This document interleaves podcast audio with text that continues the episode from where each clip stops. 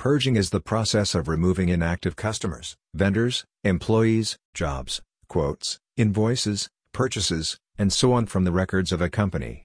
Purging reduces the size of the files of a company and frees valuable disk space for current and active data. Read the complete post and learn more about purging unnecessary data in Sage 50.